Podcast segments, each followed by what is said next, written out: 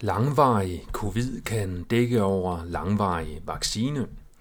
Velkommen til Brandgård Avisen nummer 241.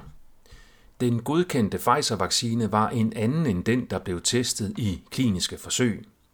BMJ-artikel smadrer langvarig covid-fortællingen. Kanadas øverste militære chef nægter at undskylde for nazihyldest. Mit navn er Per Brandgård, og det er den 30. september 2023.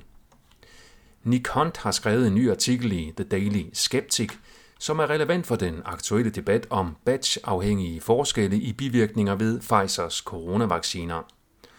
Hunt beskriver, hvordan den britiske lægemiddelstyrelse MHRA i december 2020 godkendte en mRNA-coronavaccine fra Pfizer, fremstillet efter proces 2. Den blev godkendt uden sammenlignelige data med den vaccine fremstillet efter proces 1, som var den vaccinevariant, der blev testet i Pfizers kliniske forsøg. Det tyder på, at den klinisk testede vaccine var en anden end den, der endte i skuldrene på folk.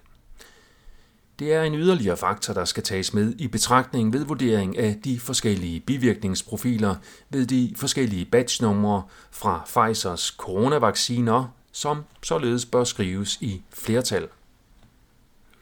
Will Jones har ligeledes i The Daily Skeptic berettet om en ny artikel i det lægevidenskabelige tidsskrift BMJ om såkaldt langvarig covid.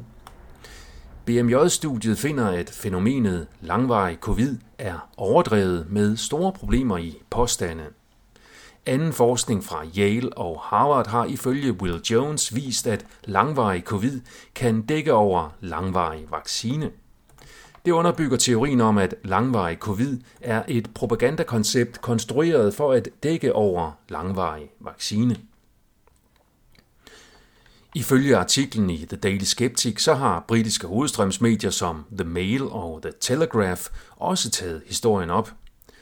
Samtidig bliver den nye danske dokumentarfilm De Forbudte Bivirkninger, som Lone Nørgaard beskriver det i en ny artikel i Newspeak, og jeg citerer, tide ihjel i de statskontrollerede propagandamedier. Citat slut.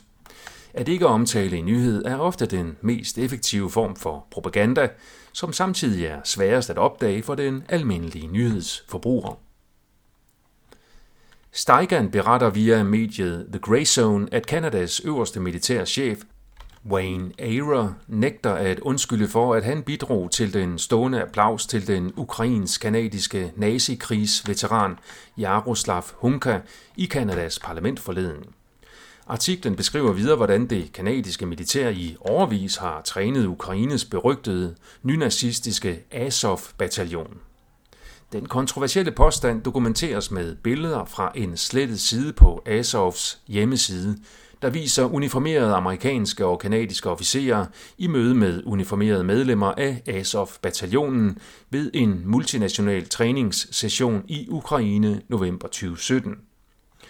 Det tyder på, at Wayne Aron er en stolt mand, der ikke vil benægte den militære strategi om at samarbejde med nynazister i Ukraine, som han har gennemført med succes, bare for at tage hensyn til nogle historieforvrængede moderne menneskers sårede følelser.